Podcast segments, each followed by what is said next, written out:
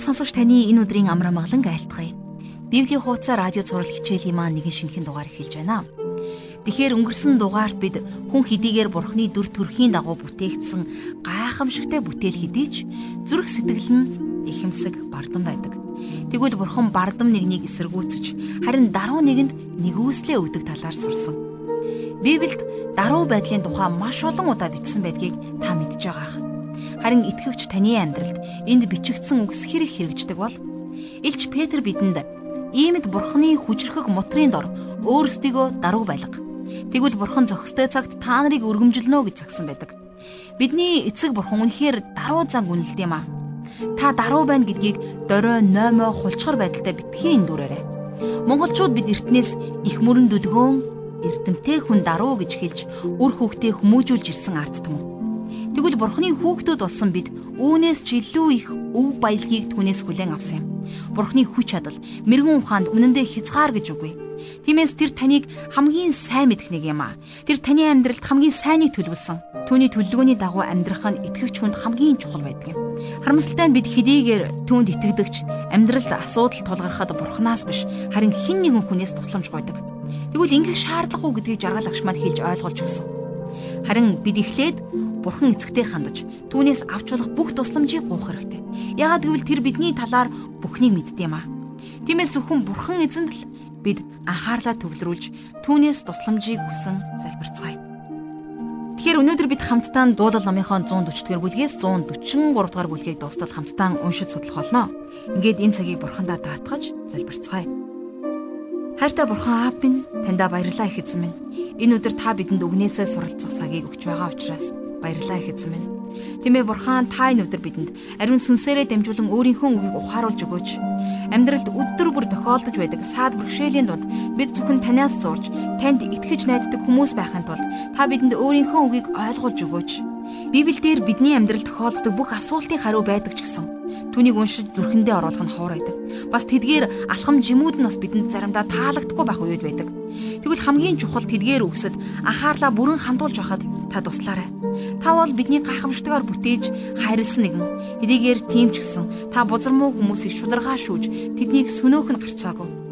Тийм учраас та бол бүхний бүтээгч, бүхнээс хүчрхэг хаасайгүй оршигч бурхан гэдгийг бусдад тунхаглаж гэрчилж амьдрахыг бид хүсэж байна. Та бидэнд туслаач аваа. Энэ цагийг таньдаа даатгаж эзэн Есүсийн нэрээр залбирanгуйч байна. Амен. Ингээд хамтдаа жаргал агшиг хичээлд анхаарлаа хандуулцгаая.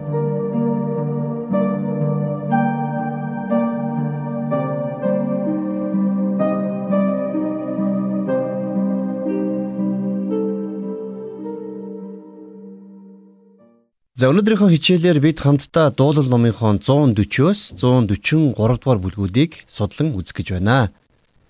За бидний эхэнд үзэх дуулалын 140 дугаар бүлэг бол бузар муу хүмүүсээс хамгаалж өгөхийг гуйсан Давидын залбирал байна. За Давид энэхүү дууллаа Саул хааны гараас амь золбон зугтаж байх үедээ зохиосон гэж судлаачид үздэг. Тэгэхээр энэ дуулал өнөөдөр итгэгчид бидний ч бас залбирал байх боломжтой дуулал.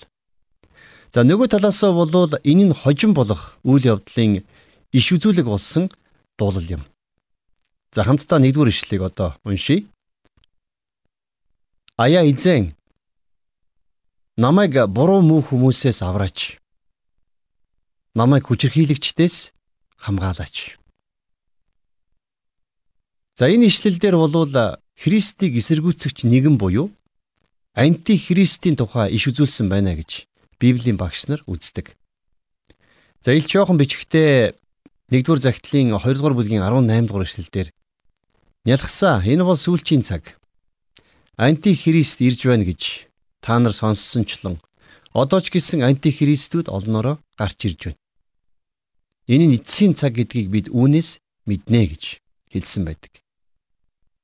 Давид хааны үед ч гэсэн бас бурханлаг зөвхт хүмүүсийг үдсэн яддаг бузар муу хүмүүс байсан.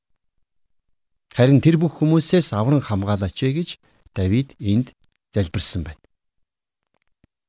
Өнөөдөр ахлагч пасторууд бурханд үйлчлэгч хүмүүс ч гэсэн яг ингэж залбирах хэрэгтэй гэж би хувьдаа боддог. Пастор ахлагч удирдагч нарын хувьд ч гэсэн хин нэгэн хүн эсвэл чуулган дах хэсэг бүлэг хүний иргэшэл эрх мэдэл, нөлөөллийн дор орох юм бол энэ нь сүм чуулганыг бүхэлд нь сүрүүлэх аюултай гэдгийг бид нар мартаж болохгүй. 2-оос 3 дугаар ишлэлдэр Тэд зүрхэндээ ёрын зүйлсийг сэддэг. Тэд үргэлж дайн өдөөдөг. Тэд могоо шиг хилээ билүүддэг. Тэдний уруулдор могоон хор байдаг. Села. За тэгвэл яг энэнтэй адилхан зүйлийг болвол Илч Паул Ромотынд бичсэн загтлынхаа 3 дугаар бүлгийн 10-аас 18 дугаар ишлэлдэр өгүүлсэн байна. Юу вэ гэхлээр хүн төрлөختний хил гэдэг бол могоон хортой адилхан гэж. Хүний хил цөвийн зэвсэг шиг хөнөөх чадaltaй. За хүн хилээрээ бусдын амьдралыг нурааж сүрүүлэх боломжтой байдгаа гэсэн үг. За хамтдаа үргэлжлүүлээд 8-аас 10 дугаар ишлэгийг одоо уншийе. Аяа эзэн буруутын хүслийг бүү сойрхоч. Бозор төлөвлөгөөг нь бүү тэтгэж. Тэд өөрсдийгөө өргөмжлөх бий. Намайг тойрон байгчдын тэргүүнүүдийн хувьд Уруулынх нь хор хөнөөл өөрсдийг нүмерэг. Шатаж байгаа нүүрс унаг тэдэн дээр унах болтугай. Тэд гал руу гарч чадхааргүй гүн үхэнд түлхүүлэн унах болтугай. За Давид хаан болвол бузар муу хүмүүсийн эсрэг ингэж залбирсан байна, тийм ээ. А гэхдээ дуулал номыг судлах явцдаа би дахин дахин хэлж байгаа нэг зүйл байна. Юу вэ гэхээр энэ болвол итгэгч бидний залбирах ёстой залбирал биш. Харин инкийнхэн оронд бид Ромын 12 дугаар бүлэг дээр Илч Паулийн өгсөн зааврыг дагаж амьдрах нь зүйтэй. За Ромын 12 дугаар бүлгийн 19-оос 21 дугаар эшлэлдэр Хайртууд минь хизээч өөрийн өшөө хонзонг битгий ав. Харин Бурхны уур хилэнд зай гарга.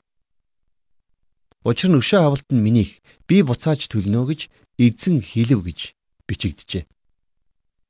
Дайсан чинь үлссэн бол хоолол. Цангасан бол түүнийг ундаал.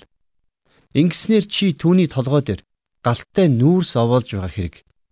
Мууд битгий дийлд. Харин мууг сайнаар дийлээ гэж Паул бичсэн байдаг. Өөрөөр хэлэх юм бол та бид нэр өөрсдийнхөө дотор үш хонзон тээж амьдарч болохгүй гэсэн үг тийм ээ. Бид нар дайсагнал өшөө авалтанд автаж болохгүй. За яагад гэвэл энэ нь Есүс Христийн та бидэнд сургасан сургаалын эсрэг зүйл тийм ээ. Тийм учраас Бурхан тэр бүх зүйлсд санаа тавих болно гэдэгт бид итгэж сурах хэрэгтэй. За миний өөрийн амьдралын туршлагаас харах юм бол бид нар нөхцөл байдлаас өөрсдийгөө татаж Бурханд зай гаргах үед Бурхан өөрөө аажмаар ажилла хийдэг. Библиэр хэлсэн байна тийм ээ. Өшөө авалт бол Бурханыхаа гэж. За тийм учраас бид нар гомдлоо Бурханд л гарах хэрэгтэй. Харин дараа нь бидэнд мууг үйлдсэн хүмүүст бид нэр хэрвээ сайнаар хандах юм бол эндээс гайхалтай зүйл бий болох болно. За 11-р эшлэлдэр ингэж бичсэн байна. Гүжирдэгч хүн нутагт бүү суур шиг хүчрхийлэгч хүнийг гай зовлон мөшгөн хөнөөг. За ер нь Библиэлд гардаг гол зарчим юу вэ гэхээр бузар муу хүн нэгэн өдөр сүнэх болно гэж. Харин зөвийн замаар алхагч хүмүүс гарцаагүй ялалтанд хүрнэ гэж Библи дахин дахин давтан хэлсэн байна. За тийм учраас Илч Иохны 1-р захидлын 5-ын 4-р ишлэлдэр Бурхнаар төрссөн бүхэн ертөнцийг ялдаг. ертөнцийг ялсан ялалт нь бидний итгэл болоо гэж хэлсэн байдгийг. Худал хуурмаг бүхэн цаг нь ирэхэд илчлэгдэх болно. За сатан буюу муу ёрийн сүнс эхнээсээ худалч хуурмаг нэгэн байсан. Тэрний гар хөл болсон худалч хуурамч хүмүүс өнөөдөр ч гэсэн маш олон байна. А гэхдээ цаг нь болоход тэр бүхэн ил болж хин нь худалч хин нь зөвхт байсан бэ гэдг нь гэрэлд гарах болно гэсэн. За харин одоо үргэлжлүүлээд хамтдаа 141-р дуулалыг дэлгэцгээе. За 141-р дуулал бол бас л Давидын дуулал. Тэгэхээр Давидын амьдрал тохиолдсон үйл явдлаас сэтвэлсэн дуулал гэсэн. За магадгүй Давид энэ дуулалыг Саул хаанаас зүхтан нуугдж явахдаа зохиосон байж болох талтай. А гэхдээ нөгөөтэйгөр энэ үгс өнөөдрийн та бидэнтэй ч гэсэн бас шууд холбогдох болно. Ингээд 141-р дуулалын 1-ээс 2-р ишлэл. Аяа эзэн би таныг дуудаж байна. Над руу хурдан ирээч. Таныг би дуудаж байх үед дуу хоолойд минь чих тавиач. Залбирал минь таны өмнө утлаг адил тавигдаг. Гараа өргөх минь үдшийн тахил адил байгэ. За Давидын амьдралыг харах юм бол тэрээр үнэхээр ууггүй залбирагч нэгэн байсан. Давид залбирал дуртай. Бурхантай ярих дуртай нэгэн байсан. Залбирал зүрх сэтгэлээ зориулсан залбирлын баатар байсан гэж хэлж болно. Тэгэхээр Давид хаан энд өөрийнхөө залбирлыг анхлын утлагтай зөвлөсөн байна, тийм ээ? Бодоод үзье л та бүгдээрээ. Бидний залбирал Бурхны өмнө яг ийхүү анхлын үнэртэй утлаг адил байхын тулд юуны төрөнд Бурхны өмнө бид нар дуулууртай амьдралаар амьдрах ёстой. Эзэн Есүс ч гэсэн энийг маш тодорхой хэлсэн байдаг. Хэрвээ бид нар Бурханаас залбирлынхаа хариултыг авахыг хүсэж байгаа бол Бурхны өмнө дуулууртайгаар амьдрах ёстой гэдгийг Есүс хэлсэн. Та бид нар өөрсдийнхөө хүсснээр амьдрч хаад. А тэгээд дараагаар нь бурхнаас юу хүсснээ гуйж авна гэдэг бол зүгээр л хоосон бүтшгүй мөрөөдөл. Йохны сайн мэдээ номон дээр эзэн Есүс та нар нэрээр минь юм гуйвал би түүнийг чинь үлднэ гэж амласан байдаг. А гэхдээ тэр ингэж хэлээ зогсоог. Араас нь Есүс та нар намайг хайрладаг бол тушаалуудыг минь сахих гэж хэлсэн баг. Хэрвээ та бурхан таны залбирлыг сонсож хариулдаг байгаасаа гэж үнэхээр хүсэж байгаа бол эхлээд Бурхны өмнө дуулууртайгаар амьдрах ёстой юм аа. Бид нар Есүс Христийн нэрээр залбирдагчлан Есүс Христийн нэрэнд зохистойгоор амьдрах учиртай гэсэн үг. Түүний нэрийг унгаахгүй харин түүний нэрийг өргөж амьдрах хэрэгтэй гэсэн үг. За 3 дугаар ишлэл. Аяа эзэн аманд минь манаач тавьж уруулын минь хаалгыг хамгаалаач. За энэ бол их чухал залбирал юм шүү. Юу вэ гэхлээр миний үг болон үйлдэл, ам болон ажил хоорондоо зөрөхгүй байхад минь туслаач ээ гэж Давид энд залбирч байна тийм ээ. За бид нар ч гэсэн бас өдөр болгон ингэ залбирх хэрэгтэй баг. Яагаад вэ гэвэл та бидний ам ямар сул байдаг үлээд. Бурхан минь ям гарагт нэг зүйл залбирч хаад нэгд өдөр нь тис өөрөөр амьдрахаас намайг хамгаалаач ээ гэж бид нар залбирх хэрэгтэй. За үргэлжлүүлээ 141 дугаар дуулынхаа 4-өөс 5 дугаар ишлэгийг одоо хамтдаа харцгаая. За энэ ингэж бичсэн байна. Ёс босыг үйлдэгч хүмүүсийн хамт гимт буруу үйлсийг үйлдэхээр альва ёрын зүйлсэд зүрхийг минь бүү эргүүлээч. Тэдний амттнуудаас надад бүү идүүлээч. Зөвхт нэг нь намайг цохиг. Тэр нь хайр инрэл билээ. Намайг зэмлэг. Тэр нь шилмэл тос билээ. Толгойг минь үүнээс бүү татгалзуулаач. Учир нь залбирал минь тэдний ёрын муугийн эсрэг юм аа. За тэгэхээр итгэгч хүмүүс бид нар өдөр болгон гим нүглэр дүүрэн энэ дэлхий дээр амьдарч байна. Өдөр болгон л бид бузар муутай гим нүгэлтэй нүүр тулж байдаг. А гэхдээ хөлөг онгоц далайд гарах ёстой ч гэсэн хөлөг онгоцсон дотор далаан ус дүүрчих юм бол мэдээж тэр онгоц живэн шүү дээ. За тэгвэл энэний нэгэн адилаар бид нэр гим нүглэр дүүрэн дэлхий дээр амьдарч байгаа ч гэсэн өөрсдөө бурханд итгэдэггүй хүмүүс шиг амьдарч эхлэх юм бол энэ нь бидний амьдралыг сүрүүлэх болно. Та бид нар ийм амьдралаар амьдарч хаад тэгээд ням гарагт нь цуглаанд суугаад бурхнаас залбирлынхаа хариултыг авчихна гэж бодохын ч хэрэггүй. За дуулал номын 66 дугаар дуулалын 18 дугаар ишлэлдэр Хэрэг би зүрхэндээ цөв мууг хүндтгсэн бол эзэн сонсохгүй байхсан гэж хэлсэн байдаг. За энд юу гэж хэлж гэнэ үү гэхлээр зэрэг бузар муу нэг хүний залбирлыг бол бурхан сонсохгүй гэж. Харин Яаковын 5:16 дээр бидэнд хандаж Тийм учраас бие биенийхээ өмнө нүглээ улааж бие биенийхээ төлөө залбир. Ингэснээрээ та нар идэгдэх болоо. Зөвхт хүний залбирал өр нөлөөтэй бөгөөд ихийг гүйцэлдүүлж чаднаа гэж. Их тодорхой хэлсэн байгаа биз? За мөн Иохны 1-р захидлын 3:22 дээр Гуйсан болгоно түүнээс хүлээн авна. Учир нь бид түүний тушаалуудыг сахиж түүнд тааламжтайг үйлддэг билээ гэж хэлсэн байдаг. За түүнд гэдэг нь Бурхныг хэлж байна тийм ээ. Тэгэхээр Давид өөрийнхөө уруулыг манаж зүрхээ бузар муугаас хамгаалахыг Бурханаас гуйсан. За тэгвэл бид нар ч гэсэн бас Давидын энэ үлгэр жишээг дагаж Бурхныхаа өмнө ингэж залбирх нь зүйтэй юм аа. За үргэлжлүүлээд 8-аас 9 дугаар ишлэлдэр Аяа бурхан эзэн. Нүд минь тань руу чиглэнэ. Тань дотор би хорогдно. Сэтгэлийг минь хамгаалалтгүй бүү орхиоч. надад тавьсан урих торноос нь мөн ёс бусыг үйлдэгчдийн занганаас намайг хамгаалаач. За бузар муугийн урих торонд орохоос хамгаалж өгөөч гэж Давид энэ залбирч байна.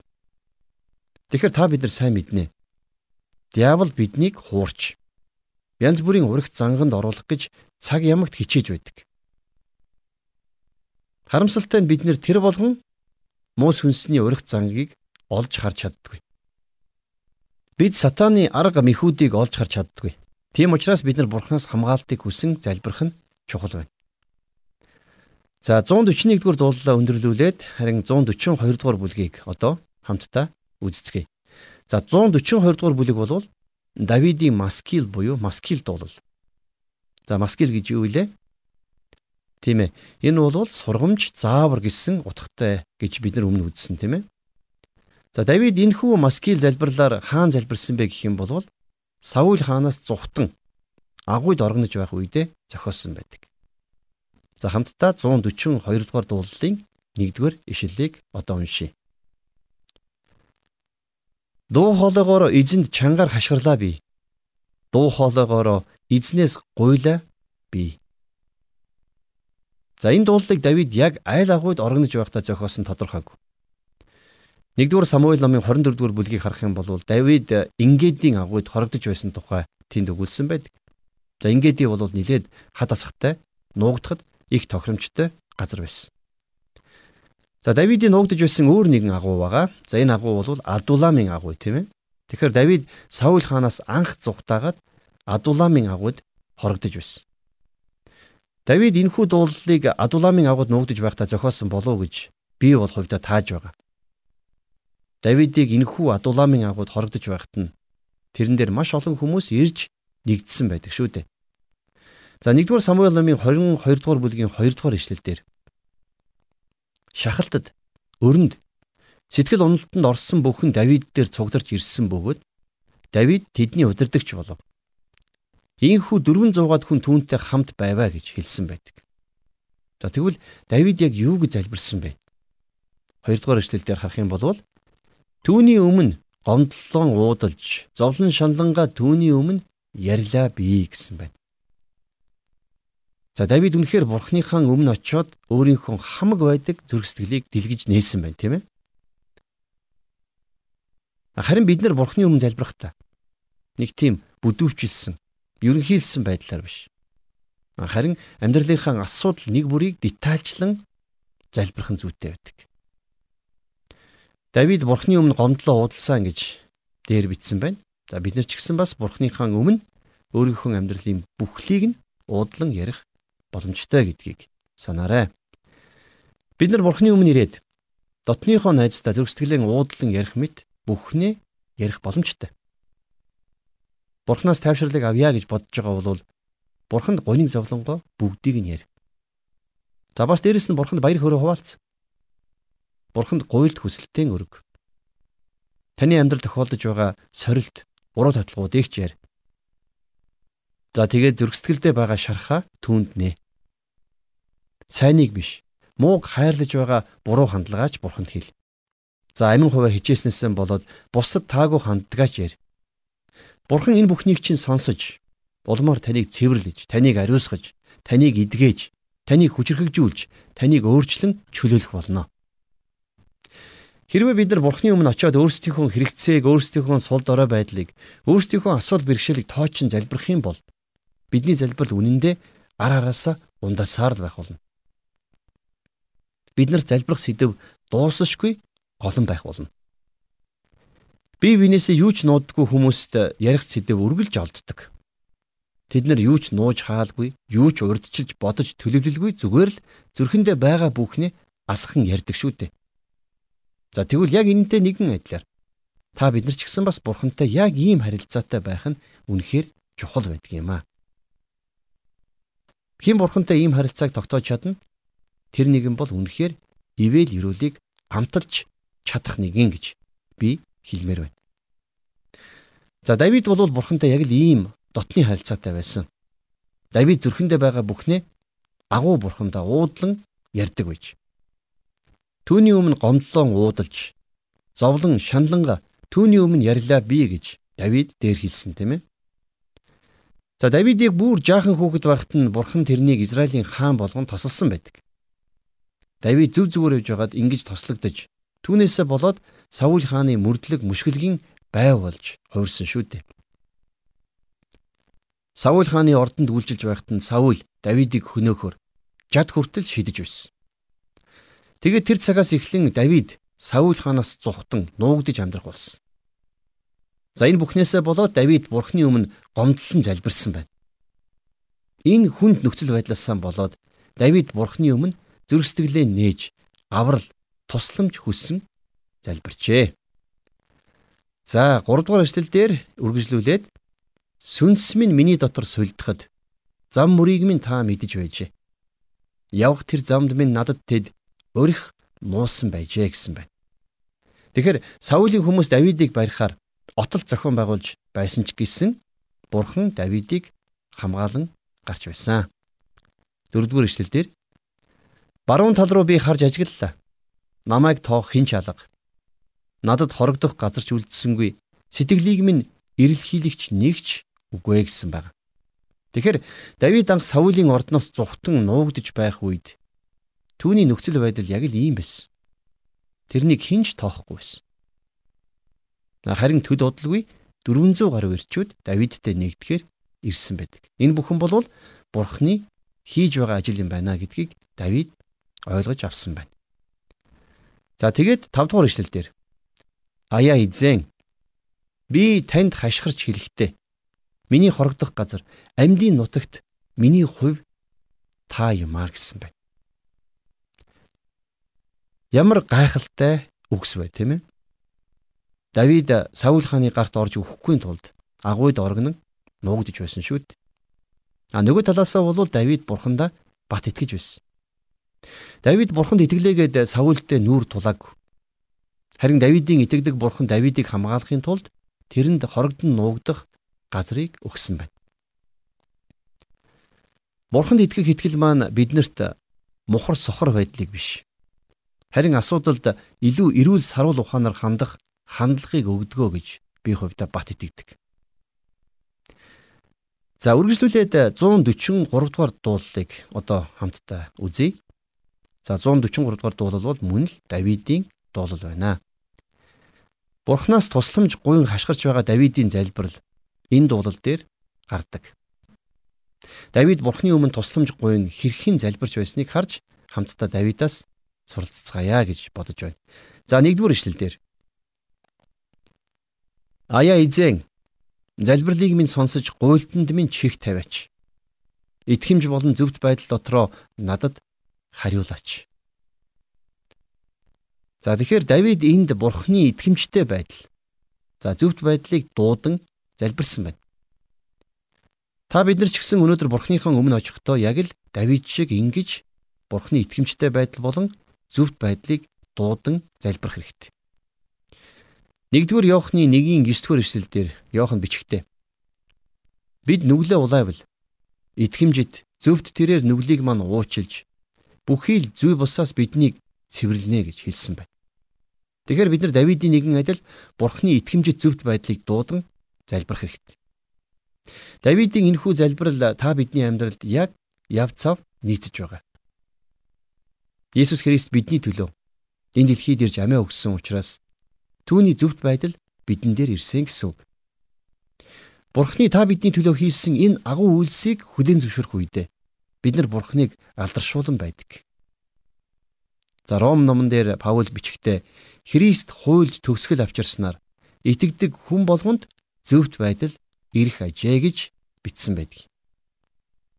Үргэлжлүүлээ 6 дугаар эшлэлдэр би тань руу гараа сунгана Сэтгэл минь ангассан газар мэт тань руу тэмүүлдэгэ гэсэн байна.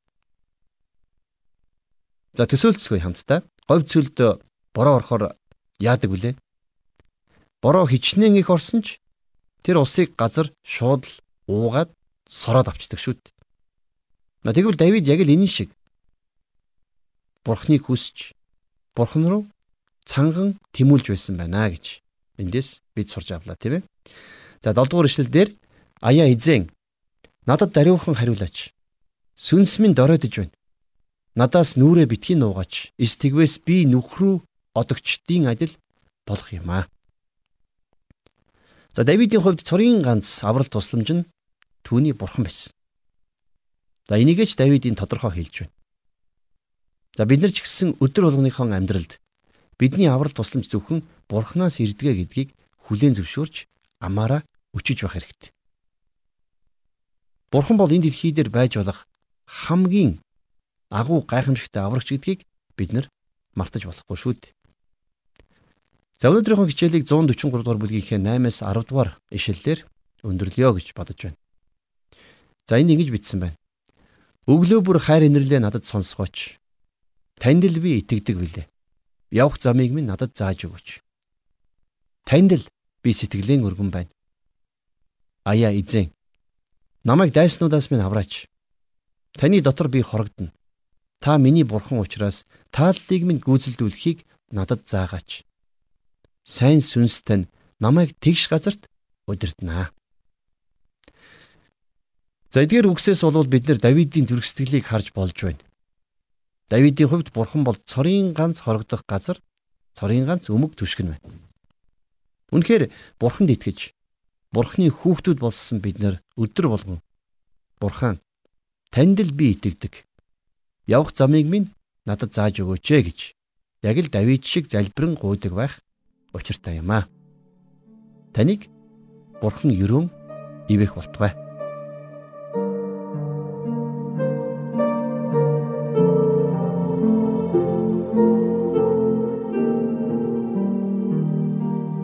Өнөөдрийн хичээлээр бид бузар муу хүнээс хамгаалахыг гуйсан залбирал болон зовлон дунд бурхнаас тусламж гуйсан Давидын гуйлт залбирлыг сонслоо. Үнэхээр энэ дэлхийн ертөнц бол гим нүглээр дүүрэн гэдгийг итгэдэггүй хүмүүс хүртэл мэднэ. Тэгвэл итгэгч хүн тэрхүү бузар мууг зүрх сэтгэлдээ оруулахыг зөвшөөрч хизээж болохгүй маа. Өөрөөр хэлбэл та өөрийнхөө дотор үш хонцонг тэн амьдрах нь зохисгүй гэсэн үг. Хэрвээ бид дайсагнал хорон муу санаанд автвал итгэлийн бат найдвартай алхаагаар алхаж чадахгүй төрөл. Харин үүний оронд сэтгэл санаагаа тавгүй түлж байгаа тэдгээр зүйлсийг бурхандаа даатгаж залбирч сурах хэрэгтэй. Ягаад тэгэхээр тэр бол бидний бүтээгч нэгэн. Тийм учраас таныг туйлдуулж зөвхрөлд оруулж байгаа тэдгээр зүйлсэд санаа тавих нь гарцаагүй. Мэдээж тэдгээр бүх зүйл таны сансан шиг хурдан болчихгүй. Зөвхөн болох ёстой цаг хугацааг хүлээх нь хамгийн ухаалаг арга юм. Бид ингэж эзэн бурхныхаа ажлыг хийх тэр орон зайг түүнд чөлөөлж өгснөр тэр аажмаар таны дотроос ажиллаж эхэлнэ гэдгийг бид өнөөдөр сурсандаа баяртай байна. Үнэн дээр үр дүн нь үргэлж тааваршгүй гайхалтай байдгийг бидний зарим маань сайн мэднэ. Олон удаа бид бусдын амьдралаас хин нэгэнтэй адилхан аргаар баяжиж хөлчхийг санааргасан үг сонсож байсан. Тэгвэл эзэн бурхан маань өнөөдөр бидэнд бузар муу нэгэн сүнх нь гарцаагүй юм аа. Харин зүвийн замаар алхагч хүмүүс ялалтанд хүрхийг ятгах ойлгуулж өглөө. Эцэст нь би таныг Давид хаан шиг залбиралд дуртай, залбиралд хайртай, уйггүй залбирагч нэгэн байгаарэ гэж ятгах байна. Ягаад тэгэхээр бидний залбирал бол Бурхны өмнө анхлын үнэртэй утлах шиг байх ёстой юм аа. Харин ингийн тулд бид эзэн Бурхныхаа үгийг дуулууртайгаар даган амьдрах ёстой. Энэ хүрээд өнөөдрийн хичээл маань өндөрлөж байна. Харин сонсон сурсан болгоныхоо төлөө Бурханд талархал өргөж залбирцгаая. Хайртай Бурхан минь, та биднийг удирдан дагуулж, биднийг яг л Давид хаан шиг өөрийнхөө өмнө зүрх сэтгэлээрээ уудлан ярддаг хүмүүс болгож, тийхүү чөлөөлж өгөөрэй зүрхэндээ байгаа бүхнээ танд уудлан ярьж амьдралынхаа ачаа дарамтыг хөнгөлж сурахад та туслаарай аваа.